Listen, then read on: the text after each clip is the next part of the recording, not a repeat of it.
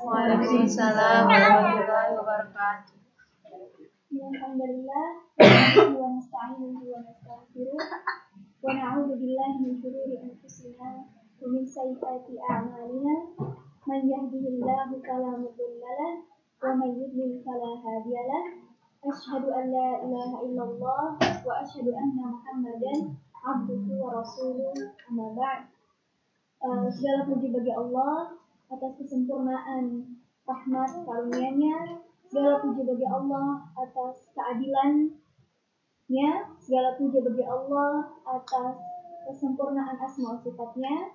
Tidak ada celah tidak ada cacat di sisi Allah subhanahu wa ta'ala. Yang karena itulah kita mampu mencintai Allah subhanahu wa ta'ala melebihi cinta kita dari yang lainnya karena Ibnu Qayyim rahimahullah berkata cinta itu buta. Ya. artinya apa? Cinta itu buta. Orang yang mencintai sesuatu itu hanya melihat kesempurnaan dalam diri orang. Maka sebuah hal yang tidak baik ketika kita mencintai sesuatu yang tidak sempurna. Ya Kemudian salawat serta salam semoga selalu tercurah kepada Nabi Muhammad Shallallahu Alaihi Wasallam, orang yang Allah pilih untuk menuntun manusia menuju kepada kebenaran, yang baik akhlaknya, yang lurus akalnya, yang berbudi luhur perasaannya, sehingga kita bisa mengikuti Rasulullah Shallallahu Alaihi Wasallam menjadikan beliau sebagai teladan kita. Juga salawat serta salam doa serta rahmat semoga selalu tercurah kepada para sahabat beliau yang berjuang bersama beliau, menjaga diri beliau, uh, menyebarkan agama Islam sampai ke pelosok-pelosok negeri dan termasuk juga Indonesia. Semoga senantiasa dilimpahkan rahmat karunia kepada mereka rahmatullah juga kepada para ulama serta seluruh kaum muslimin yang uh, berislam kepada Allah Subhanahu wa taala. Amin amin ya rabbal alamin. Alhamdulillah uh, hari ini kita diberikan nikmat oleh Allah Subhanahu wa taala untuk memaksimalkan waktu luang yang kita miliki. Karena Rasulullah Shallallahu alaihi wasallam bersabda, dua hal nikmat besar yang dimiliki oleh manusia yang Allah berikan kepada manusia yang manusia itu selalu lalai, sering lalai, yaitu nikmat sehat dan waktu luang. Ya. Bahkan waktu luang ketika dilalaikan itu bukan hanya menghasilkan kesia-siaan, tapi juga sering karena waktu luang kriminalitas itu terjadi. Ya, bukan hanya kerugian karena tidak melakukan apa-apa, tapi semakin banyak waktu luang, semakin banyak perbuatan buruk yang mungkin ter terbesit di dalam pikiran kita. Ya, dan alhamdulillah ini semuanya karena rahmat Allah Subhanahu wa taala kita punya waktu luang dan kita bisa memaksimalkan waktu luang kita ini untuk beribadah kepada Allah Subhanahu wa taala. Ya berjihad di jalan Allah Subhanahu wa taala karena menuntut ilmu adalah bagian dari perjuangan ya, bagian dari jihad di ini. Alhamdulillah hari ini kita bertemu dengan tema yang sangat menarik, yang cukup menarik, yaitu tiga wasiat Nabi Muhammad Shallallahu Alaihi Wasallam kepada Abu Dhar. Atau juga ini sebenarnya meskipun wasiatnya ini kepada beliau, secara hadis ini diriwayatkan oleh beliau, tapi maknanya ini umum untuk seluruh manusia. Ya, jadi Rasulullah menyampaikan ini kepada Abu Dhar, kemudian Abu Dhar pun mengajarkannya kembali kepada para sahabat, mengajarkannya kembali kepada para generasi setelahnya kepada anak-anaknya kepada tabi tabiin hingga sampai kepada kita semua. Ini menunjukkan bahwa wasiat ini bukan hanya khusus untuk Abu Karena disampaikan, diajarkan, kemudian diamalkan turun temurun selama 14 abad yang lalu, kemudian bisa sampai kepada kita. Jadi wasiat ini wasiat yang sangat uh, luas, mencakup segala aktivitas kita, segala aspek hidup kita. Nah, ada tiga wasiat yang disampaikan oleh Rasulullah Shallallahu Alaihi Wasallam. Uh, beliau bersabda, "Ittaqillaha haitsu ma kunta, watbi'is sayyi'atal hasanata tamhuha, wa khaliqin nasa bi khuluqin hasan. Ya, ini redaksi hadisnya.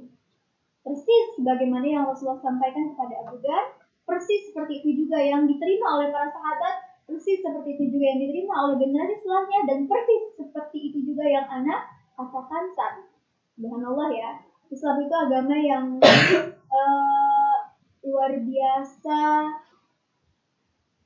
luar, ya luar biasa terjaga dari hoax ya. Kalau ya karena uh, kalau di zaman sekarang yang mereka apa namanya tidak berlandaskan iman orang ngomong apa nyampe ke WhatsApp kita apa ya.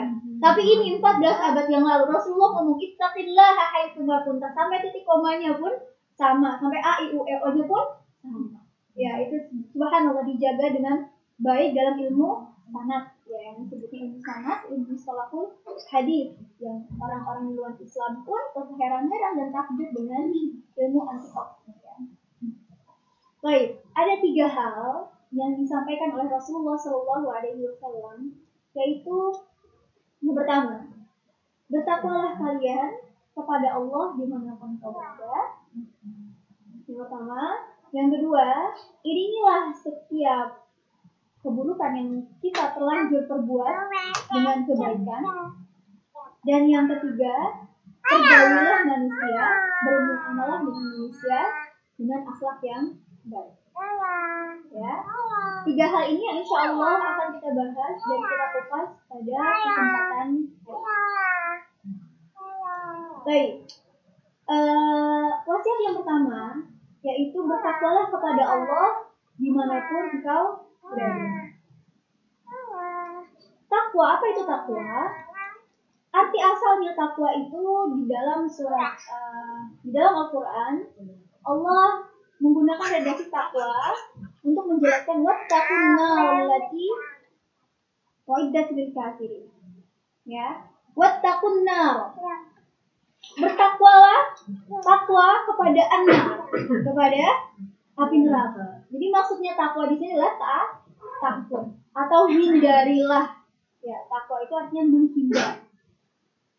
Menghindar dari keburukan. Itu namanya takwa. Menghindar dari keburukan. Kemudian Allah juga uh, menggunakan redaksi takwa yang disandarkan kepadanya. Wattaqullaha uh, haqqa tuqat. Ya, wattaqullaha haqqa tuqat. Bertakwalah kalian kepada Allah dengan sebenar-benarnya takut. Maksudnya apa? Takut kepada Allah, uh, lari dari Allah, uh, tidak ingin bertemu dengan Allah, bukan ya. Maksudnya adalah takutlah akan kemurkaannya Allah Subhanahu wa taala. Takutlah akan kemarahannya Allah sama yang kemurkaan kemarahan. Atau takutlah Allah itu tidak mencintaimu. Takutlah Allah itu tidak memberikan rahmat kepada Ini maksudnya kata takwa. Jadi takwa itu secara bahasa artinya takut. Ya. Atau menghindar. Menghindar dari sesuatu yang buruk. Ini namanya takwa. Menghindar dari sesuatu yang buruk. Menghindar dari api neraka. Menghindar dari murka Allah Subhanahu wa taala. Ini adalah makna dari takwa. Paham sampai di sini ya? Kemudian Allah Subhanahu wa taala juga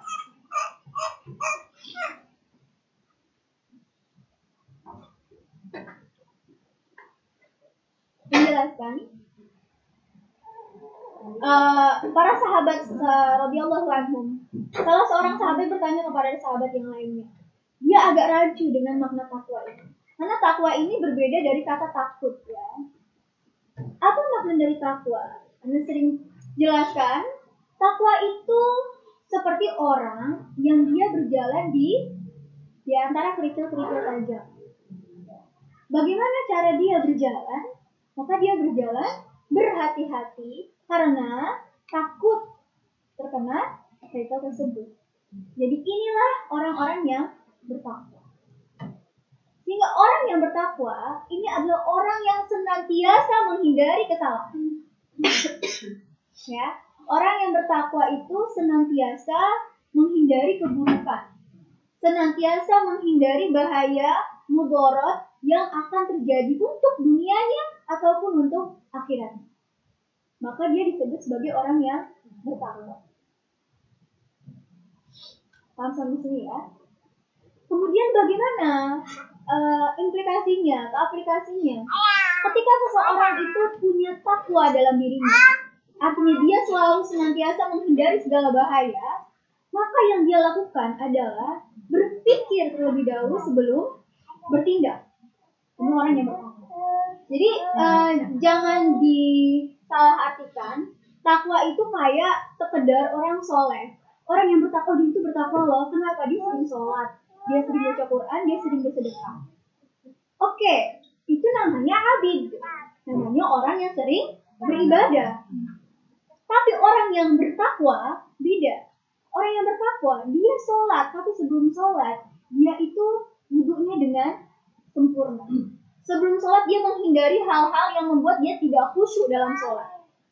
Sebelum sholat dia senantiasa berhati-hati supaya sholatnya itu baik di sisi Allah Subhanahu Wa Taala.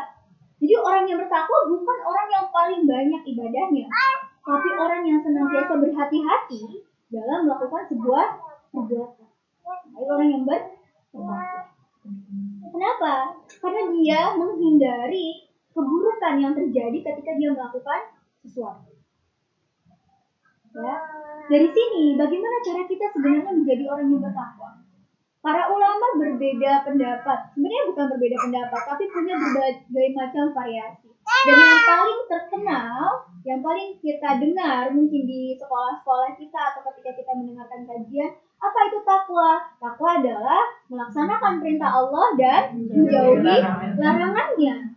Ini cara untuk bertakwa. Cara supaya kita senantiasa tidak melakukan kebu keburukan. Ya, kalau kita melaksanakan perintah Allah, ya pasti kita terhindar dari keburukan. Karena perintah Allah itu semuanya adalah kebaikan. Kalau kita menghindar dari kemaksiatan, ya menjauhi larangannya Allah, berarti kita senantiasa bertakwa ya, menghindari dari mara bahaya. Paham ya? Kalau kita definisikan dengan bahasa kita, kita bisa katakan orang yang bertakwa itu adalah orang yang senantiasa hati-hati, terukur, ya, dan terorganisir dengan baik setiap pekerjaan. Hati-hati, terukur, termanage, ya, dengan baik setiap pekerjaan. Ini adalah orang yang bertakwa. Tujuannya apa? Yang bertakwa, yang pertama dia uh, wajahnya dihadapkan kepada Allah Subhanahu Wa Taala. Pasti ya ini yang pertama. Niatnya ikhlas tujuannya karena Allah Subhanahu wa taala. Kemudian kita akan lihat orang yang bertakwa itu senantiasa membuat plan dalam pekerjaan. Dia menimbang sisi kelemahannya. Dia menimbang sisi kelebihannya, slotnya. Dia menimbang hal tersebut inilah orang yang bertakwa. Misalnya ketika dia ingin sholat, dia nggak asal sholat. Karena kalau asal sholat kayak tadi ya ada banyak duri terus kita gegabah akhirnya sholatnya kacau. Lupa rakaatnya berapa atau mikirin kunci di mana dan segala macam. Ya? Kemudian misalnya pergi belanja belanja ya tapi memang ini harus sering ditekankan ya karena harta ini kan pasti akan ditanyai oleh Allah Subhanahu wa taala Orang yang bertakwa itu tidak hanya dilihat bagaimana ibadah dia di masjid. Yang tadi ya, kalau wudhunya bagus, ya berdiri sholatnya hadir hatinya ke hadapan Allah Subhanahu wa taala. Tapi ketika dia pergi belanja, orang yang bertakwa, ya dia takut belanjanya dia ini masuk ke dalam hal yang Allah haramkan. Maka dia buat plan terlebih dahulu. Ini saya butuhkan atau tidak? Dia menentukan mana yang merupakan kebutuhan, mana yang merupakan keinginan kalau saya belanja dengan uang segini, kemudian ada tetangga saya atau adik saya atau sepupu saya yang mengalami musibah, bisa nggak saya tekan sehingga saya bisa memberikan hadiah? Ya, ada apel misalnya, kita mau beli apel satu apel busuk, apel biasa, apel premium, apel yang sangat mahal, gitu ya. Halal semuanya, ya apel busuk mungkin nggak halal ya, nggak halal ya. Berarti apel busuknya dihilangkan ya. Apel biasa premium tinggi misalnya gitu ya halal ketiga-tiganya halal tapi kita punya ketika kita orang yang bertakwa, maka kita berhati-hati dalam memilih akal. Dalam bertakwa, ya. Kalau seandainya uang kita cukup banyak untuk membeli apa yang tinggi dan uang ini masih tersisa untuk membantu orang-orang, untuk membantu ibu kita, maka beli apa yang tinggi. Tapi ketika uang kita pas-pasan, jangan kita beli apa yang harganya mahal banget, tapi kemudian orang lain tidak mendapatkan yang seharusnya hak mereka. Ya, banyak sekali kasus, misalnya ya, salah satunya ini berbakti kepada orang tua. Itu nggak pernah bisa memberikan harta untuk orang tuanya per bulan. Bilangnya apa? Buat susu anak, ya, buat apa namanya perlu buat apa namanya rumah tangga dan segala macam nggak ada mah habis dikasih cuma misalnya uang zakat. Kita cuma punya uang zakat segini setiap bulan. Uang zakat berapa ya orang tua kita dikasih uang uang zakat misalnya kayak gitu. Cuma dikasih sekian gitu, kepada orang tua kita ya kalau nggak ditimbang kebutuhannya maka nggak akan ada uang. Untuk mencukupi orang tua padahal orang tua kita sudah membesarkan kita. Ini salah satu contoh ya. Jadi orang bertakwa bukan berarti kita sudah banyak sholat kita sudah banyak beribadah kita sudah banyak bersedekah. Tapi sedekahnya itu tidak berlandaskan takwa. Ada sedekah yang tidak berlandaskan takwa ada ya sedekah yang asal-asalan sedekah banyak misalnya 300 juta tapi dipakai untuk uh, masjid yang dia sebenarnya banyak masjid di daerah itu. Ya ini kan berarti dia tidak berpikir secara hati-hati. Ya lebih baik kita sedekahkan ke misalnya masjid yang memang di pelosok yang di sana tidak ada masjid pemurtatannya banyak dan segala macamnya. Atau kita uh, berikan untuk uh, mukafah ustadz yang ada di pelosok dan segala macam. Itu adalah bagian dari dari takwa Ya, sehingga orang yang bertakwa itu adalah orang yang berhati-hati ketika melakukan sesuatu terukur. Ya, dia ketika melakukan sesuatu itu terukur secara rasional, baik salah, benar, baik baik buruk benar, benar salah, kemudian termanage dengan baik. Ya, terutama masalah masalah keuangan dan juga masalah waktu. Dua hal yang sering kita lalai dan ini pasti akan dihisap ditanya oleh Allah Subhanahu wa taala waktu kita dan juga harta kita. Ya.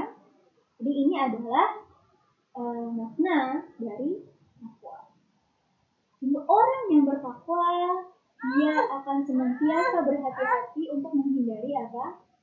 keburukan yang ada di dekat Nah, sampai di sini ada yang mau ditanyakan?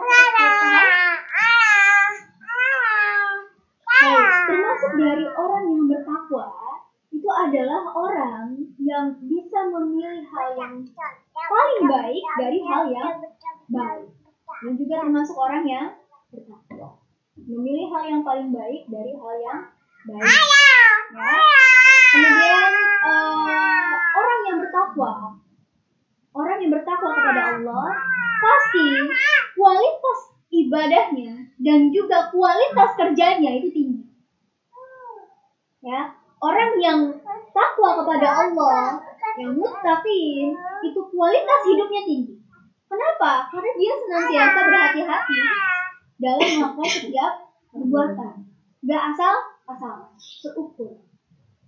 Ya, kalau ada orang yang dia memang tujuannya untuk Allah, tapi kinerjanya, kualitas kerjanya, amanahnya kepada manusia itu buruk, berarti nggak bisa dia dibilang sebagai orang yang. Kita lihat Islam di sini mencakup seluruh aspek kehidupan kita. Kita nggak boleh memisahkan antara uh, ibadah dan kehidupan dunia kita. Tapi kehidupan dunia kita harus dijadikan sebagai landasan kita untuk mendapatkan akhiratnya Allah Subhanahu Oke, paham sampai di sini ya. Ini ini makna orang yang bertakwa. Ya. Dan e, pasti orang yang bertakwa ini akan mendapatkan kebahagiaan di akhirat dan juga di dunia. Ya bukan cuma di akhirat saja, di dunia dia juga akan mendapatkan kebahagiaan. Baik. Kemudian kalau sampai misalnya terjadi kesalahan. Ini yang kemudian dijelaskan dilanjutkan oleh Rasulullah Shallallahu Alaihi Wasallam. Perkataan yang satu dengan perkataan yang berikutnya ini memiliki keterkaitan yang erat. Ya, kalau kita tidak tahu makna takwa, ya, maka kita akan anggap hadis yang kedua ini mengatakan, nggak apa-apalah ngelakuin keburukan, nanti saya akan ngelakuin kebaikan. Ah apa-apa dulu sekarang, nanti saya ganti. Ya kan berarti akhirnya berpikirnya demikian ya. Ketika iringilah keburukan dengan kebaikan, maka dia akan menghapusnya. Jangan salah. Awal hadisnya adalah takwa dulu. Ya. Ketika kita sudah hati-hati melakukan semua uh, pekerjaan kita, ternyata kita terjerumus ke dalam kesalahan, keburukan. Maka inilah yang akan menghapus keburukan kita. Yaitu iringilah dengan perbuatan perbuatan baik. Ya, ada tiga orang ya, ada bukan tiga orang ya. Setidaknya ada tiga kelompok orang menyikapi kesalahan, menyikapi keburukan. Yang pertama, orang yang pesimis. Ya, orang yang pesimis, ya dia tipe yang sangat perfection. Ya, oke dia sudah bertakwa, diiringi dengan emang karakternya dia yang seperti itu. Ya, karakternya seperti itu mendukung dia untuk bertakwa tujuannya adalah Allah Subhanahu wa taala. Saya sudah merencanakan ini dengan sebaik-baiknya. Saya sudah berjalan dengan hati-hati. Saya berkendara dengan hati-hati. Kok saya masih bisa nabrak kecelakaan? Akhirnya orang yang seperti ini selalu menyalahi dirinya sendiri. Saya bodoh, saya nggak bisa. Ah udah nggak usah ngerjain lagi. Ya saya sudah berjuang mati-matian. Ya, itu namanya orang yang yai asu fi rahmatillah ya pesimis terhadap rahmatnya Allah Subhanahu Nah, orang yang seperti ini pun dicela oleh Allah Subhanahu wa taala. Ya, nggak boleh bersikap seperti itu. Maka penawarnya adalah kamu melakukan kesalahan tidak apa-apa. Yang penting setelah kamu melakukan kesalahan itu, kamu iringi kesalahan itu dengan kebaikan sehingga kesalahan itu akan terhapus oleh kebaikan. Ya. Kemudian ada juga orang yang kedua, ya tipe orang yang dia ketika melakukan kesalahan dia tidak merasa dia melakukan kesalahan. Ya, kalau orang yang pertama dia mencaci maki dirinya sendiri sampai tingkat yang menekan dirinya sendiri dan akhirnya dia malah untuk bangkit. Yang kedua terlalu percaya diri, terlalu sombong. Nah ini juga salah yang akhirnya membuat dia tidak melakukan kebaikan. Ah udah salahnya cuma sedikit. Ah saya mah bisa setelah itu. Misalnya hal-hal seperti itu yang membuat orang tidak mau melakukan kebaikan untuk menghapus kesalahan. Maka yang terbaik adalah jenis orang yang ketiga, ya dia sudah berusaha semaksimal mungkin di awal. Ya saya sudah berusaha uh, pasang alarm malam hari supaya sholat tahajud, ya kan? Sudah wudhu, sudah berdoa kepada Allah, sudah di plan bikin lima to-do list misalnya. Nanti baca surat ar-rahman nanti uh, nyusuin anak entah segala macam gitu ya. Eh ternyata nggak bisa bangunnya setelah subuh. Mengumpat kesel banget pasti kesel ya. Kita kalau udah buat planning habis itu nggak terjalankan pasti kesel. Nah harusnya nggak seperti itu ya. Orang yang terbaik adalah ya dia. Oke okay, saya terluput dari kebaikan ini saya terluput dari uh, apa namanya karunia ini maka saya ubah ini dengan kebaikan yang lain di siang harinya. Jadi nggak ada kata ter terlambat untuk melakukan kebaikan ya dia tidak mengumpat dirinya sendiri atau dia justru sombong ya tidak mau introspeksi saya di sini ya? Ini uh, apa namanya? Bagian yang kedua. Yang pertama adalah senantiasa berhati-hati dalam melakukan sesuatu. Ini adalah makna dari takwa kepada Allah. Dan yang kedua adalah mengiringi keburukan dengan kebaikan. keburukan dan kebaikan dengan catatan. Ya kita sudah berusaha kita sudah bertakwa. Oke? Kenapa sih manusia itu bisa melakukan keburukan? Ya kenapa sih manusia bisa melakukan kesalahan ya. Atau kenapa sih manusia itu atau umat muslim itu eh, senantiasa melakukan dosa? Ini kan menunjukkan bahwa eh, kita tidak mungkin lepas dari kesalahan. Apa penyebabnya? Apakah karena agama Islam yang terlalu banyak aturannya jadi kita harus terus melakukan kebaikan buat menghapus dosa-dosa kita? Bisa nggak sih kita nggak usah ngelakuin keburukan? Bisa nggak sih? Ya. Atau karena agama kita yang memang eh, punya banyak aturan ini saya sering sekali mendengar ada orang yang masuk Islam udah percaya sama Allah percaya sama Nabi Muhammad tapi ah, nanti dulu deh soalnya kalau masuk Islam aturannya bah Banyak.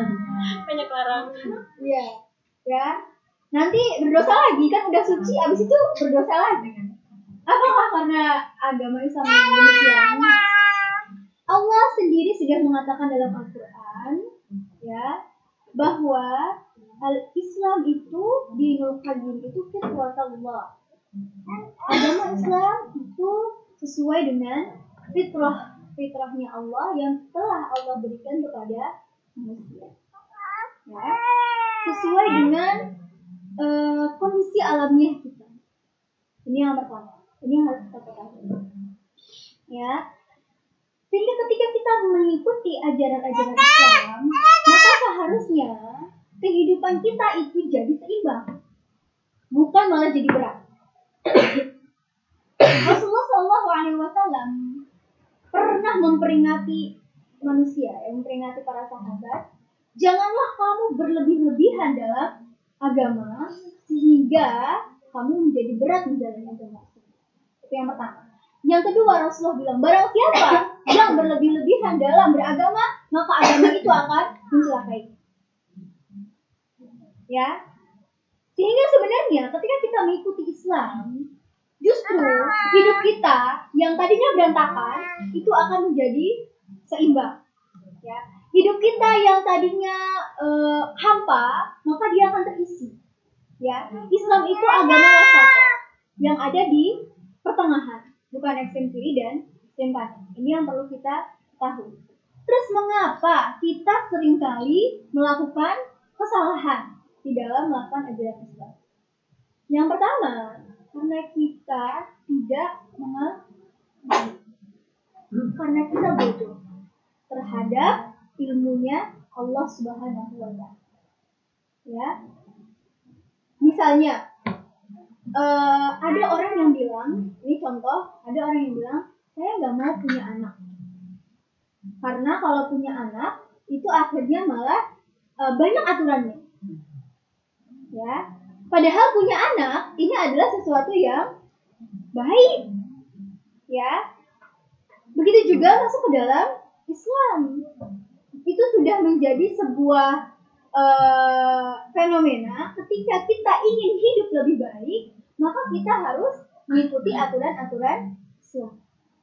Jadi kita tidak tahu bahwa aturan yang telah diajarkan oleh Islam ini adalah aturan yang baik. Paham ya? Itu yang pertama. Jadi kita bodoh terhadap ajaran Islam. Kenapa kita melakukan kesalahan? Karena kita bodoh. Kita tidak tahu. Yang kedua, kenapa kita bisa melakukan keburukan? Itu karena kita memiliki yang disebut dengan hawa nafsu. Ya, Eh, inna nafsa la ammaratun bisu. Bahwa hawa nafsu kita selalu menyuruh kepada keburukan. Nah, ini yang menyebabkan kita selalu berada dalam kesalahan. Ya, senantiasa ber- berada dalam kesalahan. Dan yang ketiga, kenapa kita bisa melakukan kesalahan? Karena setan, ya, jin itu senantiasa membisiki keburukan-keburukan ke dalam dada manusia. Jadi ada tiga hal yang sangat penting yang membuat manusia itu bisa melakukan keburukan. Bukan karena agama Islamnya yang terlalu banyak aturan, ya. Tetapi yang pertama karena kita itu bodoh, ya. Manusia itu bodoh. Manusia itu tidak tahu mana yang baik, mana yang buruk. Contoh kebodohan manusia adalah menyembah selain Allah, ya. Menyembah batu, menyembah roti yang akan dia makan. Ini menunjukkan bahwa Islam itu, eh Islam itu, manusia itu bodoh. Yang kedua, misalnya contohnya dalam syariat riba misalnya. Ya, manusia itu selain bodoh, mereka juga zolim. Maka timbullah syariat yang Allah sebut sebagai riba. Gak boleh memakan harta yang bukan haknya. Ya, orang miskin diberi pinjaman harusnya tujuannya adalah membantu malah di dicekik ya sehingga muncullah aturan riba dengan berbagai macam macam jenisnya supaya apa supaya kehidupan manusia itu seimbang yang kaya nggak jadi kaya banget ya nggak apa-apa kalau semuanya kaya banget ya tapi kaya kaya banget mesti miskin banget ada ketimpangan sosial gara-gara riba itu ya sehingga tidak boleh melakukan riba Misalnya menggunakan jilbab. Contohnya, ini sebagian dari aturan Islam. Perempuan salah satunya itu juga memiliki sifat bodoh dan zolim. Uh, perempuan itu dia ingin dihormati, ya, dia ingin dihormati, tapi dia juga memiliki sifat ingin dipuji, terutama oleh lawan jenisnya. Terutama orang perempuan-perempuan yang masih gadis yang lagi besar kayak gitu ya.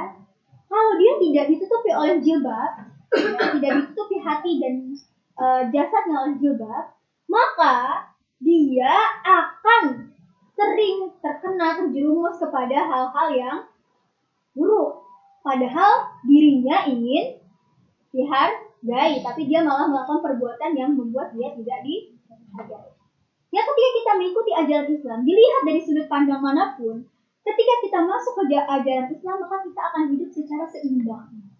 Ya, misalnya uh, zaman sekarang banyak sekali orang yang pailit gara-gara belanja.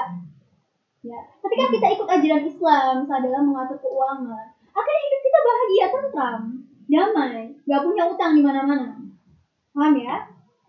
Nah, seperti itulah ajaran ajaran Islam.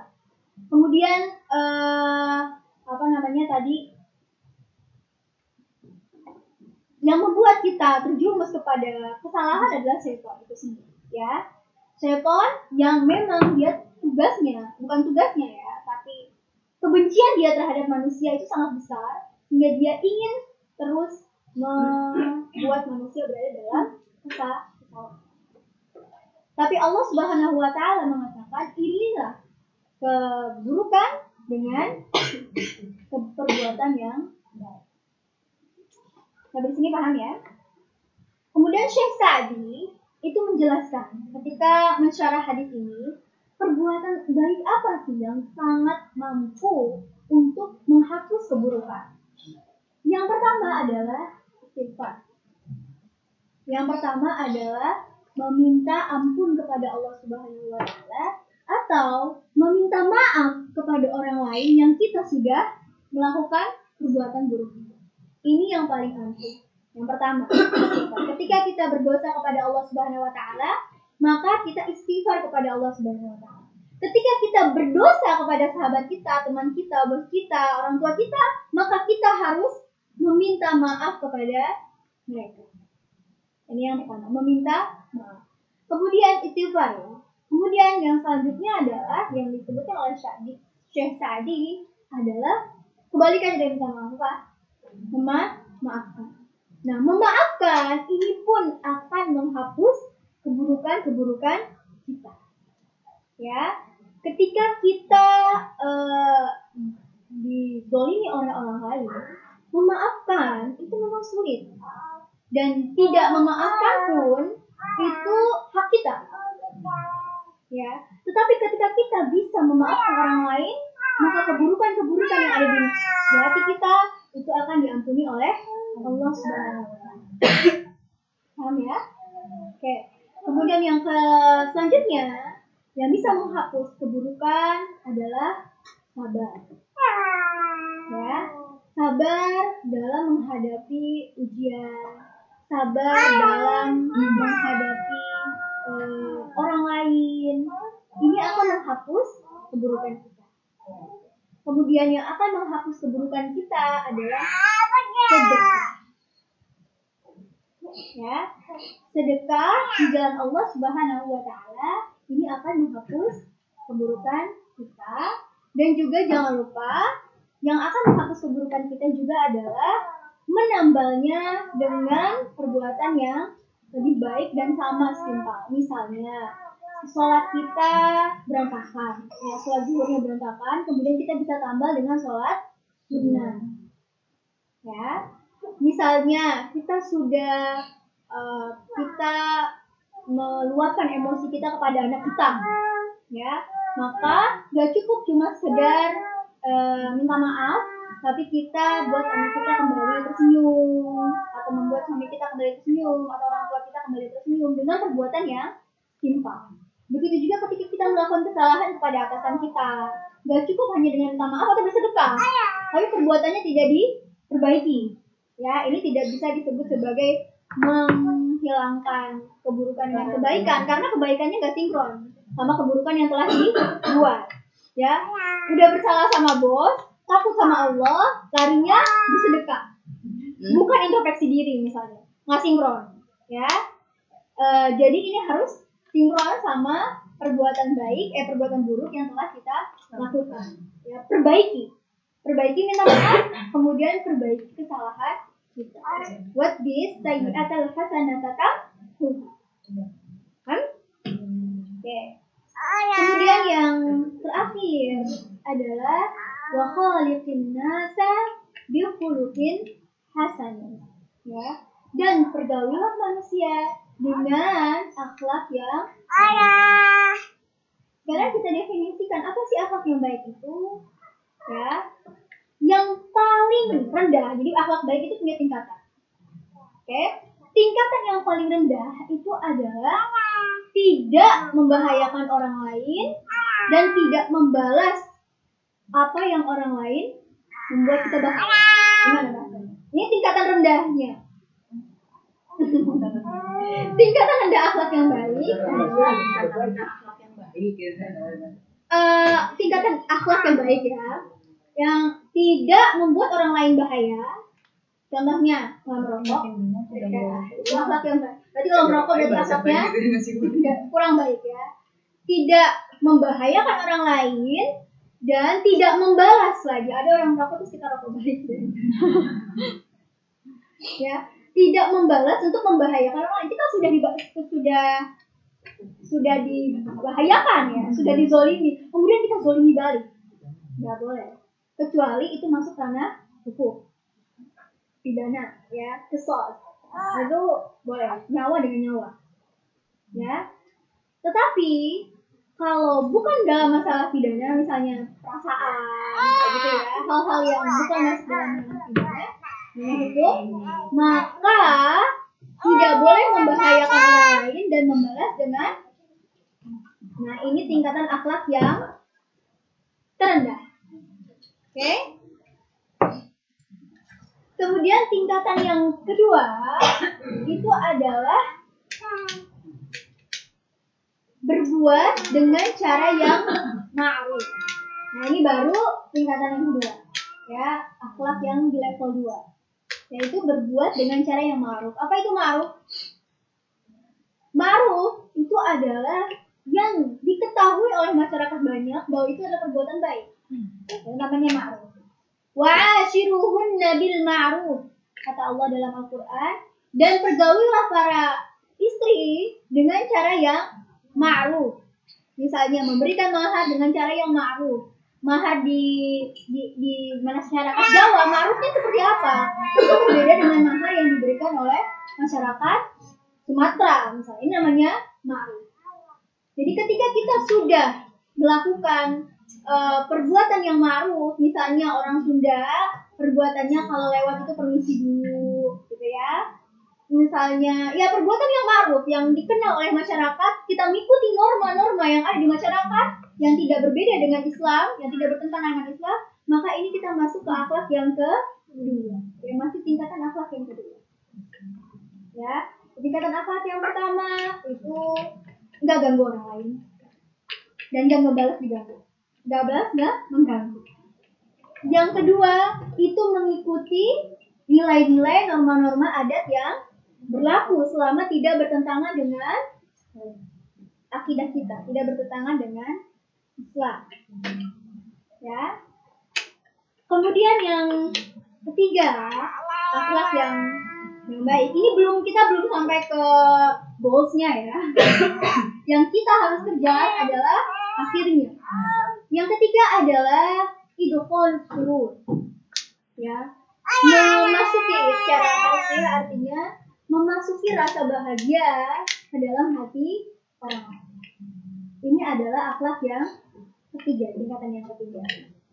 Ya, saya kan udah udah ma'ruf, misalnya ma'rufnya di Jakarta, misalnya kalau ketemu sama orang, ya apa kabar? Baik, itu kan ma'rufnya. Ya, tapi kan belum dengan cuma nanyain apa kabar itu bisa membuat orang lain bahagia.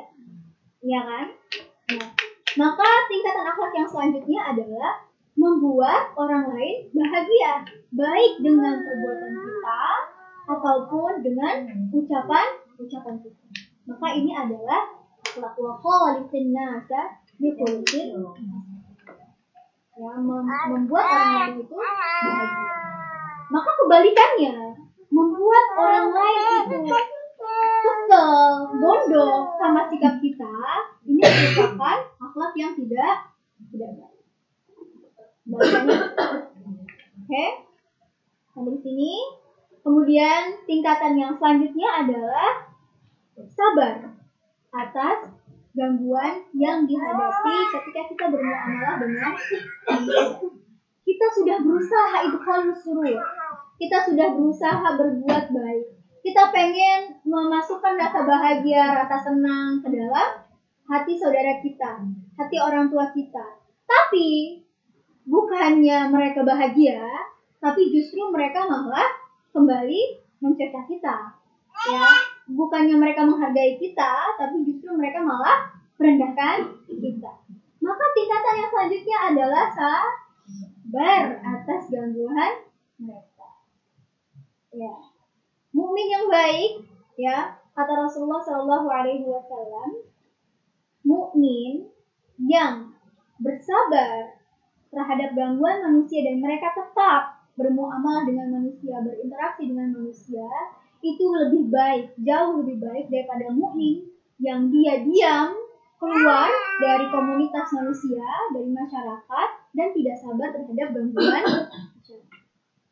Misalnya, yang namanya pekerjaan di kantor mana pun, itu pasti akan ada permasalahan. Nah, mukmin yang baik itu dia bersabar atas uh, ada atau gangguan yang ada di tempat pekerjaannya dia.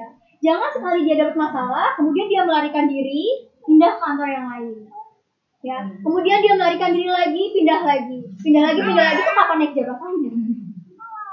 Ya, atau temenan sama satu orang, oh ternyata dia orangnya nggak suka sifatnya, dia suka ngatain saya misalnya kayak gitu. Saya kan gak gendut misalnya. Akhirnya nggak ditemenin. Pindah ke temen yang lain ini tinggal ya nggak kuat pindah lagi. Nggak kuat pindah lagi. Lama-lama ah udah kalau saya berteman aja. Akhirnya individual. Nah seorang muslim mukmin yang lebih baik di sisi Allah Subhanahu Wa Taala adalah yang dia tetap bermuamalah dengan orang itu dia tetap berakhlak baik mulai dari tidak mengganggu dia dan dia bermuamalah yang ma'ruf dan dia memasukkan kebahagiaan di hati orang mukmin dan dia bersabar terhadap gangguan yang ada dalam dirinya. Semoga dengan hal tersebut justru dia menjadi baik terhadap kita. Ya. Yang tingkatan yang kelima adalah memaafkan kesalahan orang lain. Oke, saya sabar, tapi saya nggak maaf. Ini belum masuk ke dalam tingkatan yang tingkatan yang tinggi ya orang yang memaafkan orang lain sekalipun dia sudah dizolimi ini adalah satria ya sering kali kita dengar ya dan ini seperti yang disebutkan tadi oleh Syekh Sa'di, memaafkan ini akan menghapus perbuatan buruk. Berapa banyak perbuatan buruk yang ada dalam hati kita yang kita tidak sadari. Berapa banyak ketika kita melihat orang pakai tas, kemudian kita iri, ah dia ngapain sih pakai tas itu? itu apa? Merendahkan orang lain. Merendahkan orang lain itu adalah som sombong. Sombong tidak akan masuk surga orang yang dalam hatinya ada sedikit kesombongan ya dibakar dulu. Ya, berapa banyak hasad yang terbetik oleh pikiran kita. Berapa banyak muka masam ya, muka jutek yang pernah kita tampilkan ke orang lain. Betapa banyak kita misalnya lagi PMS, kemudian singgung sedikit senggol, eh senggol sedikit singgung. Apa? Senggol sedikit, bacot. ya introspeksi ya masing-masing ya apa apalagi perempuan kesalahan paling banyak itu yang membuat perempuan itu masuk dalam api neraka itu karena perasaannya. Iya karena perasaan. Contohnya uh, dari mana? Dalilnya. Rasulullah SAW bersabda bilang saya melihat api neraka maka penghuni yang banyak adalah perempuan. Sahabat nanya ya, kenapa?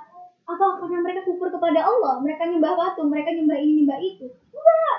Mereka ibadahnya bagus kepada Allah.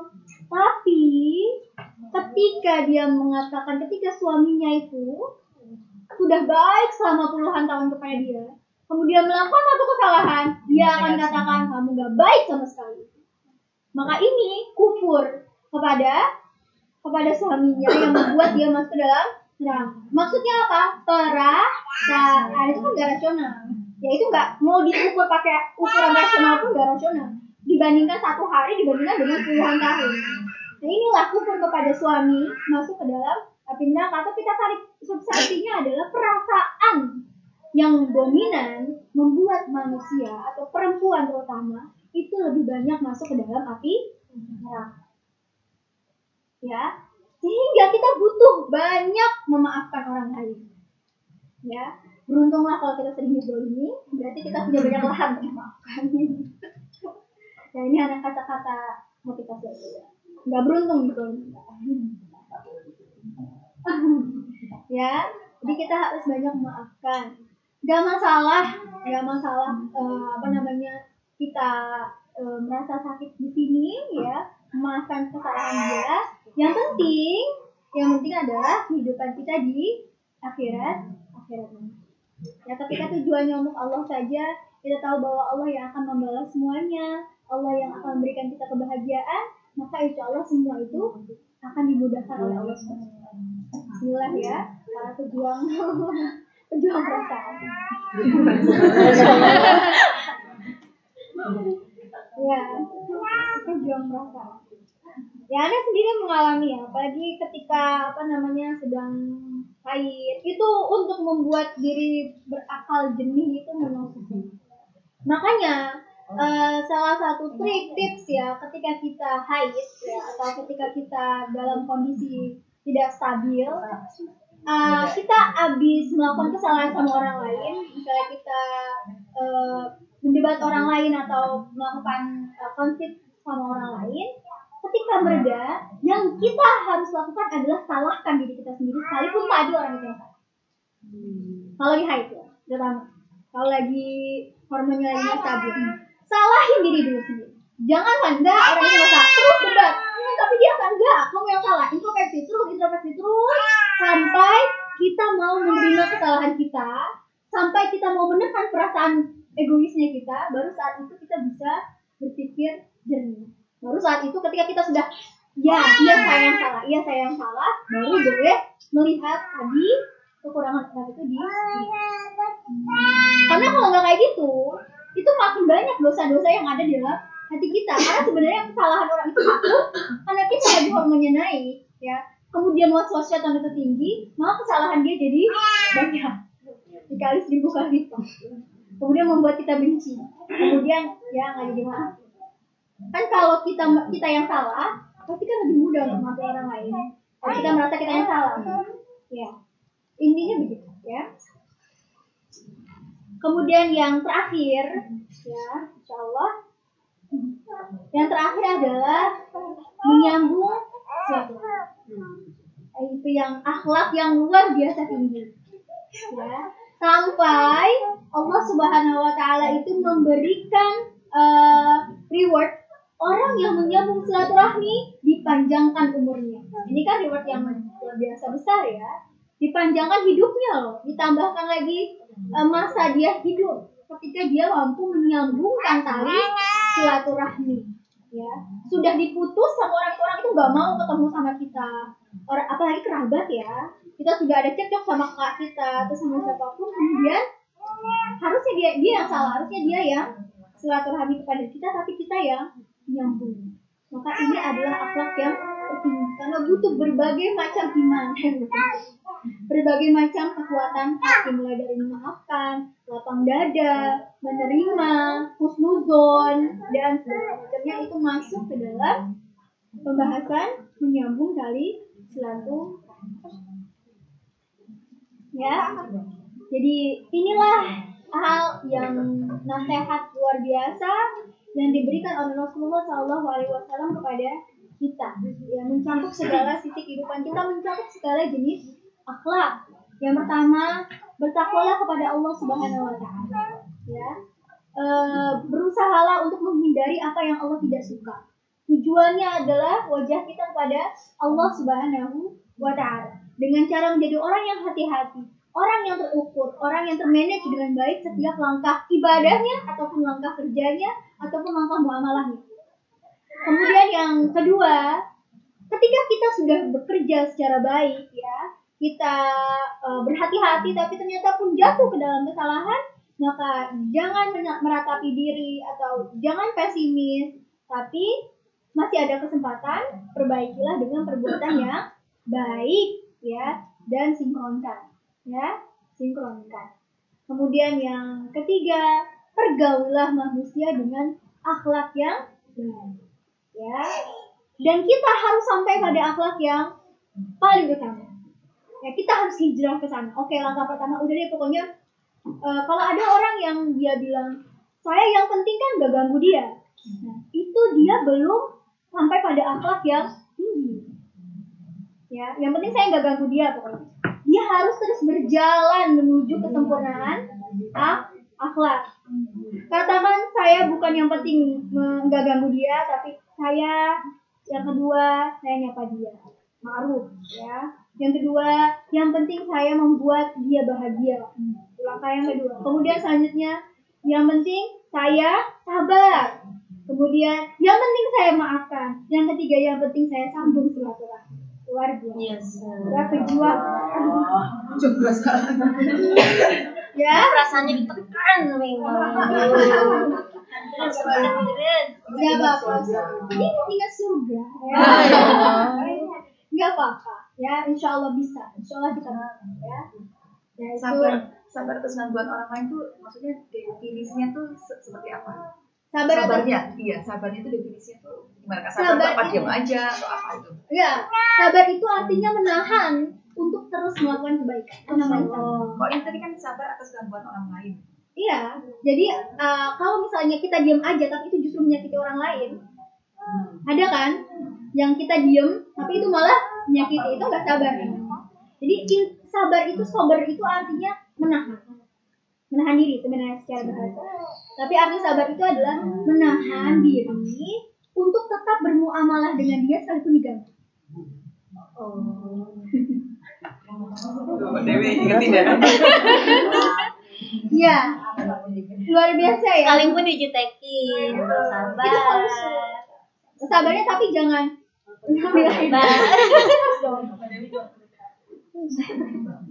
Ya ah, perjuangan sabar kita nggak sebanding sama perjuangannya Rasul. Oh, iya. Rasul itu lagi ibadah maaf ya lagi sujud kepada Allah Subhanahu Wa Taala melakukan perbuatan yang sangat tinggi ya. Itu dilempari kotoran muntah. Terus Rasulullah mencak-mencak siapa nih? Saya raja. Saya utusannya Allah. Saya tembak langsung. Saya saya bunuh pakai pedang. Lagi tuh Rasulullah ya sabar terus sujud lama gitu ya. Sampai eh, Aisyah Aisyah Fatimah Fatimah Fatimah yang membersihkan lalu kemudian Rasul kembali berhak itu Rasulullah. Padahal harga diri Rasul tuh tinggi banget loh. Rasul. Iya benar. ya kan tapi Rasul tuh nggak Nggak kayak gitu ya. Ya jangan sampai kita cuma diganggu kerjaannya aja. Misalnya langsung marah-marah sama apa sih lagi sibuk deh. Jadi kan cara yang baik ya mudah-mudahan kita bisa mengamalkan ya kita mudah-mudahan bisa mengamalkan kita semua anak dan kita semua dan seluruh umat muslim mudah-mudahan bisa mengamalkan lokal di nasa di khuluqin hasanah ya mulai mulai Eh, Ana, mungkin ini bisa yang Anda sampaikan. Terima kasih atas waktunya. Wassalamualaikum warahmatullahi wabarakatuh.